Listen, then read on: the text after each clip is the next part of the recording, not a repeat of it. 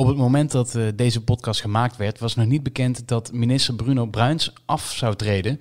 Uh, dus het gesprek wat je hoort tussen mij en Peter Winterman gaat nog over wat er gisteren gebeurde in de Tweede Kamer. We wisten toen dus nog niet dat uh, minister Bruins af zou treden.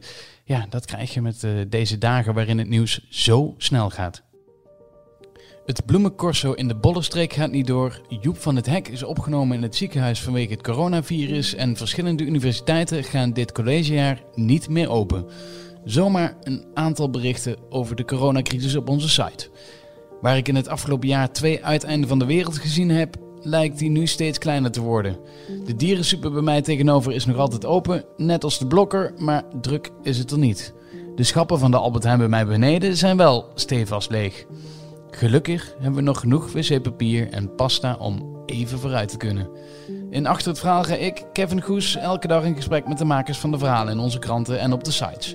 Vandaag spreek ik met Marcia Nieuwenhuis over de laatste ontwikkelingen in Nederland, met politiek verslaggever Peter Winterman over de status van minister Bruno Bruins en met verslaggever Erik Reiner Rutte over een mooi initiatief in Ede en over de Vierdaagse. Zoals altijd beginnen we met het laatste nieuws. Het aantal mensen dat in het ziekenhuis terechtkomt door het coronavirus stijgt iedere dag flink. Verslaggever Marcia Nieuwhuis daarover. Vandaag is bekendgemaakt dat er dus 489 mensen in totaal in het ziekenhuis zijn of zijn geweest. Uh, gisteren waren dat er nog 408, dus uh, ja, dat gaat toch om uh, ongeveer 80 mensen die dan de afgelopen 24 uur in het ziekenhuis zijn opgenomen. En ook als je dat vergelijkt met een aantal dagen geleden, een maandag bijvoorbeeld, stond die teller nog op 205. Uh, eh, vorige week, donderdag, ging het nog om 86 mensen.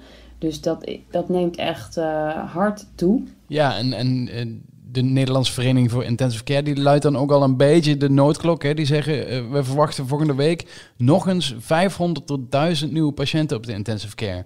Ja, nou is uh, de capaciteit standaard van de intensive care ongeveer 1150 en zijn alle ziekenhuizen wel van alles aan het doen om dat uh, rap uit te breiden. Uh, maar dat is wel uh, zorgwekkend. Ehm, eerder heb ik daar ook over gesproken met Diederik Gommers, de voorzitter van de Nederlandse Vereniging voor Intensive Care. En ja, hij benadrukte ook dat je dan ook rekening moet gaan houden met Italiaanse scenario's. Uh, denk daarbij aan het schrijnende geval dat je moet gaan kijken, ja, nemen we iemand van boven de 70 bijvoorbeeld nog op op de intensive care? Of al niet meer? Ja, dat is dus een realistisch scenario, dat we dus ook aan de deur gaan, uh, ja, gaan filteren. Ja, nou vooralsnog is het dus nog te doen. Hè? Nu worden ook uh, ziekenhuizen gevraagd van wees zo nobel om ook uh, patiënten op te nemen van ziekenhuizen waar het al vol is. Hè? Dus uh, er zijn al meerdere patiënten verplaatst van Brabant bijvoorbeeld naar uh, Rotterdam, naar Groningen, om, ja, om de lasten te verdelen. Um, maar op een gegeven moment kom je dus aan het, in de situatie dat alle intensive cares vol liggen. En nou moet ik zeggen, zie je nu ook al wel iets bijzonders aan die aantallen die overleden zijn. Want van het aantal patiënten wat is overleden, is het aantal patiënten dat op de IC lag uh, relatief klein. Er zijn 14 mensen overleden. Uh, dat is dan de stand van uh, de 17e op de intensive care. Terwijl het totaal aantal doden in die, op diezelfde dag al veel, um, veel hoger lag. ik pak er even bij. Dat was toen 43. Dus dat, dat is een groot verschil.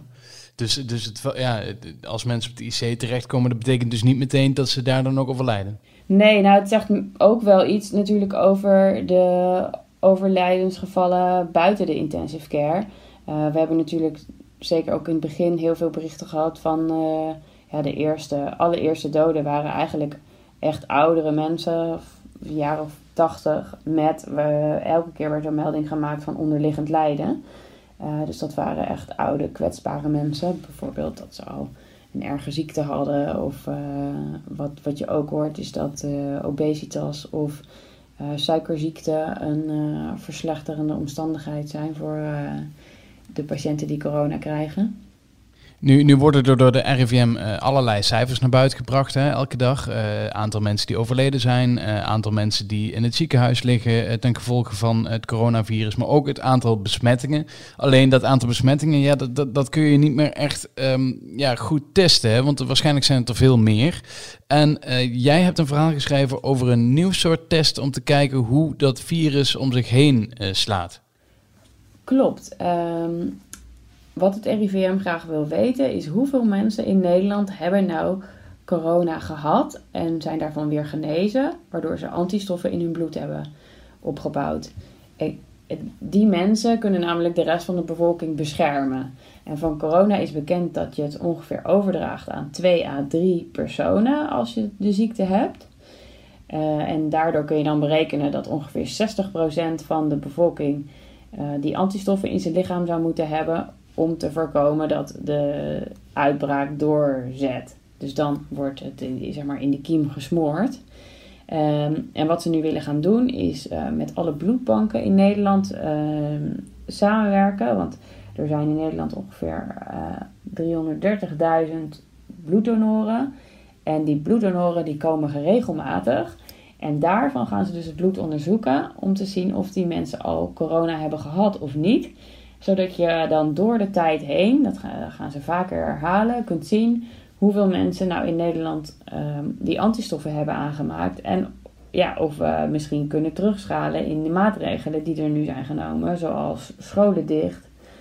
Ehm, omdat er genoeg mensen de, de ziekte gehad hebben en het zich dus al niet meer verder zal verspreiden. Het klinkt niet als een actie die in een week uitgevoerd wordt. Nee, zeker niet. Nee, uh, ze beginnen wel deze week al met testen. En over twee weken wordt dan uh, waarschijnlijk de eerste, ja, noem het een nulmeting gedaan.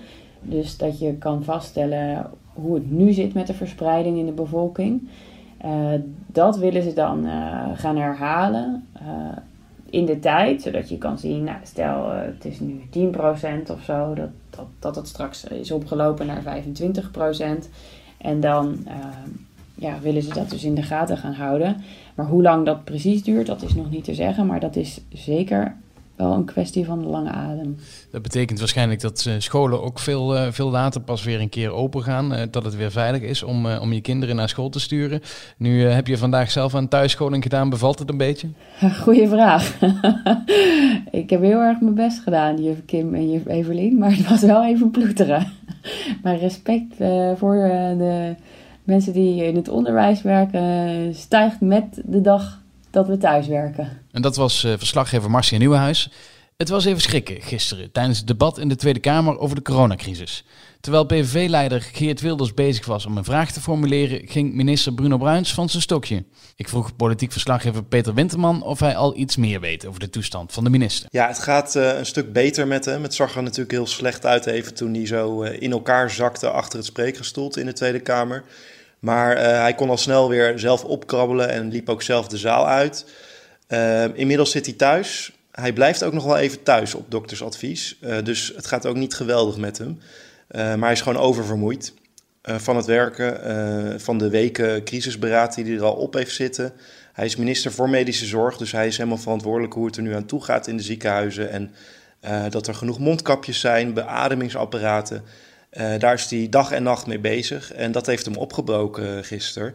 Uh, nou ja, het gaat dus beter met hem, maar de komende dagen moet hij nog wel thuiswerken. Uh, ja, net als iedereen eigenlijk. Maar ja, hij kan dus niet naar het ministerie in Den Haag om daar ja, crisisberaad te voeren.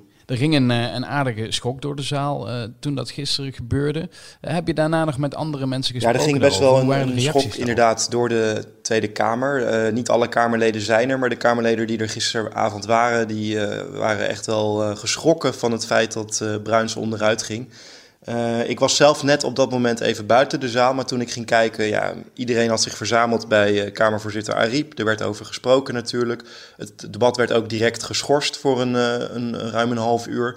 En minister Bruins die, Bruins die werd afgevoerd naar het ledenrestaurant van de Tweede Kamer, een afgesloten deel, waar hij ook even wat eten kreeg. En nou ja, hij, hij werd ondersteund door zijn collega-ministers die ook in de zaal waren. Wouter Koolmees van D66, die ving hem als eerste op. ja, en die was ook echt aangeslagen. Ik sprak Koolmees heel even, kort nadat het gebeurde. En hij was echt een beetje aangeslagen. En hij zei meteen al dat het wel goed ging met Bruins, maar dat hij wel ehm, ja, moest bijkomen.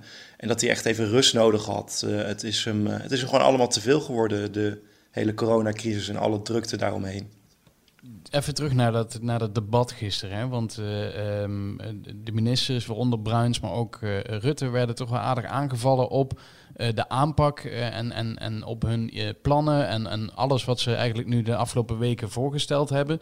Um, was dat niet een beetje surrealistisch dat er gebekvecht werd over iets waar wij eigenlijk helemaal niet zoveel um, ja, vat op hebben, dat hele virus?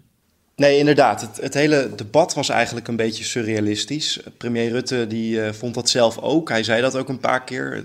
Een soort boze droom noemde hij het, een nachtmerrie. Um, en um, ja, Wilders en Baudet, die twee voorop, die waren echt buitengewoon kritisch op Rutte, op de aanpak van het kabinet. Die twee uh, politici van de PVV en Forum voor Democratie, zij vinden echt dat Nederland in een totale lockdown moet. Dat niemand dus meer ja, naar buiten mag zonder goede reden. Uh, verwijst ook naar Italië, waar dat al gebeurt natuurlijk. Maar Rutte die vindt dat gewoon niet nodig. Hij zegt, uh, op dit moment moeten we dat niet doen.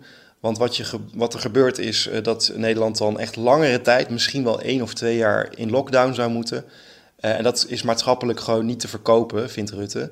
En daarbij, zodra je dat weer opheft, die lockdown, dan ja, zou het coronavirus gewoon weer de kop op kunnen steken, zegt Rutte. Maar surrealistisch is het zeker, ook omdat je uh, de politici en ook Rutte en het kabinet, niemand weet echt zeker hoe dit verder gaat. En ook hoe het virus zich gaat ontwikkelen. Dus uh, ja, het, is, het blijft heel veel speculeren. Tuurlijk, de het RIVM heeft veel uh, kennis en informatie. Maar uiteindelijk, ja, niemand weet echt zeker uh, hoe het virus zich verder gaat verspreiden. En ja, wat er gebeurt over een paar weken, als we nu het resultaat zien van dat vele thuiswerken wat we nu doen in Nederland. Um, ja, de politici weten het ook niet, maar ja, Wilders en Baudet, die twee, uh, ja, die vinden dat het kabinet niet ver genoeg gaat. Zij waren wel de uitzondering. Een grote meerderheid in de Tweede Kamer die vindt toch wel dat dit de goede aanpak is van, uh, van Rutte en van het kabinet. Ja, nu moest jij gisteren op en neer naar Den Haag om, om dat debat te volgen. hoe raar is dat om in zo'n zo'n lege trein te zitten naar je werkplek? Ja, nee, dat is, dat is heel raar. Uh, kijk, ik, ik moet er voor mijn werk naartoe. Uh, anders zou ik misschien liever ook wel thuis blijven, om eerlijk te zijn. Uh, um, omdat het toch veiliger is. Hè? Dat zeggen de deskundigen ook. Maar ja, voor, voor sommige banen is het nodig. En het is ook nodig om natuurlijk verslag te doen van dat debat in de Tweede Kamer. Uh, maar het is, de treinen zijn leeg, um, uh, vrijwel leeg. Ik denk uh, ja, tien mensen in, in zo'n grote intercity. Dus ik begrijp ook wel dat de NS vanaf zaterdag met veel minder treinen door het land gaat rijden. Dat kan ook wel. Maar ja, normaal woensdagochtend een druk station in Amsterdam, in Den Haag. En nu ja, vrijwel uitgestorven. En dat is toch wel ja, best bizar. Peter Winterman. Dat er ook leuke initiatieven opgestart worden in tijden van crisis, blijkt maar weer in Ede. De manier van lesgeven is daar getransformeerd in een toneelspel. Verslaggever Erik Reiner Rutte van De Gelderlander. Nou, er is een, uh, een mevrouw in Ede, die heeft een uh, animatiestudio. Uh, en ze maakt dus animaties eigenlijk. En die zag samen met een paar andere mensen gewoon aankomen dat die scholen dicht zou gaan. Dus wat hij gedaan heeft, is kijken van kunnen wij niet een soort thuisschool organiseren heeft volgens een hele animatiestudio heeft ze omgebouwd tot uh, een soort, soort namaakschooltje.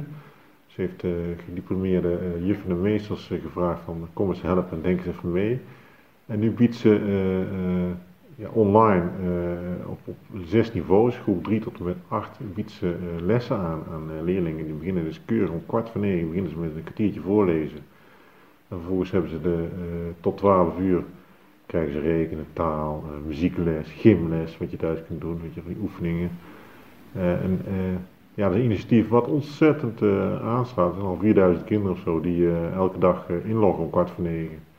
En daar de lessen volgen. Dat is echt heel gaaf. Ja, het enige wat je moet hebben is een volle iPad. Ja, je moet een ja, precies. En, en, en wat ze ook doen, ze hebben dan die meesters en juffen. En dan hebben ze twee studenten hebben ze ingehuurd voor elke leraar. Uh, die zeg maar in de klas zit en die, waardoor er ook wat interactie ontstaat tussen die docent en, en de nepleerlingen, zeg maar. En daardoor is het allemaal wat levendiger. En uh, de initiatiefnemers vertelden dat ze ook van verschillende ouders ook uh, foto's had gekregen waarbij de kinderen die dan voor hun laptop zitten of voor een iPad Nee, dat te kijken ook echt de vinger opsteken dat ze de buurt willen en zo. Dat is wel heel grappig. Erik, de laatste keer dat wij elkaar spraken, dat was uh, vorige zomer en dat ging over de Vierdaagse. Uh, dat is eigenlijk ook het eerste waar ik aan denk. Hè. Als je aan Gelderland denkt, hoe, hoe zit het met de Vierdaagse? Heb je daar al info over? Nou, ik, uh, ze, ze houden de kaarten nog voor de borst. Ze weten het ook nog niet zeker, denk ik.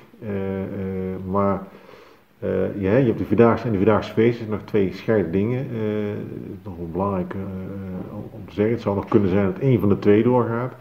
Maar eerlijk gezegd, als ik zo een beetje kijk hoe de teneur is in wat zij communiceren, denk ik dat ze zich schutjes aan zichzelf aan het klaarmaken zijn om, het, om ermee te stoppen. Formeel zeggen ze nog, hè, we weten het nog niet, we bekijken het nog. Maar je ziet wel dat uh, bijvoorbeeld ik sprak iemand uh, die een, eh, een podium tijdens de Vierdaagse programmeert. Die zegt, ja, ik weet niet wat ik moet doen, ik, ik wil een band inhuren uit het buitenland. maar ja, dat, kan ik dat risico lopen? Die, die moet ik, ik, ik, sluit contract af, ik kan maar moeilijk een corona-clausule inzetten of zo. Want dan komt die band niet, die, die, die wat onderdeel van zo'n zo, zo tour wordt dat dan voor zo'n band.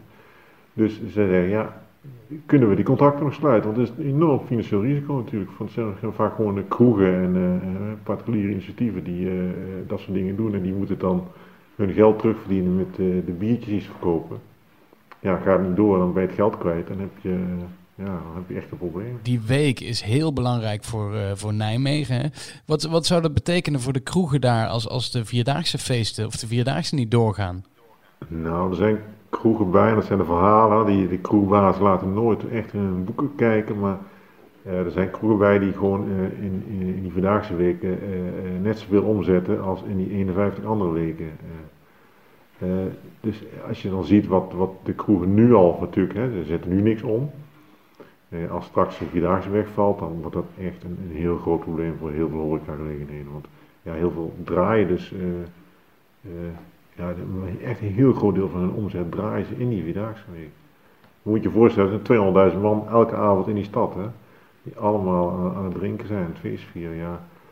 Dat dat wegvalt, nou, dat is enorm. Ja, is het ooit, ooit eerder voorgekomen dat de Vierdaagse niet doorgegaan is vanwege welke reden dan nooit? Nou, de, de, de mars, de wandelmars is wel een keer afgelast, uh, uh, een jaar of tien geleden toen uh, het extreem heet was en uiteindelijk bleek het eind van de dag dat er twee mensen overleden waren.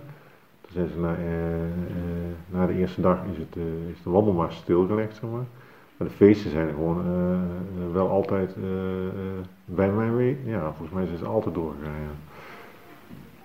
Ja, ook, ook tijdens de, bijvoorbeeld na de MH17 ramp, die donderdagavond, zijn ook, ook die dag later is alles toch nog wel gewoon doorgegaan.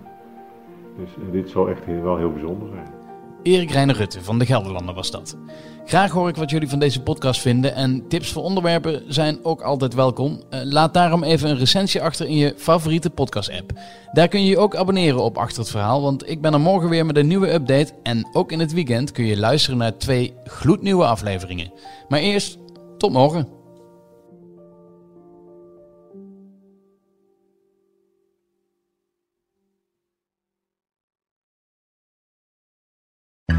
Wereldnieuws gaat ons allemaal aan. Maar als het nieuws gaat over je stadje, je buurtje of je straatje, dan voel je, dit raakt. Daarom lees je in het AD alles over het nieuws in de wereld, Nederland en jouw regio. Download nu de AD-app en mis nooit wat voor jou belangrijk is. AD, altijd dichtbij.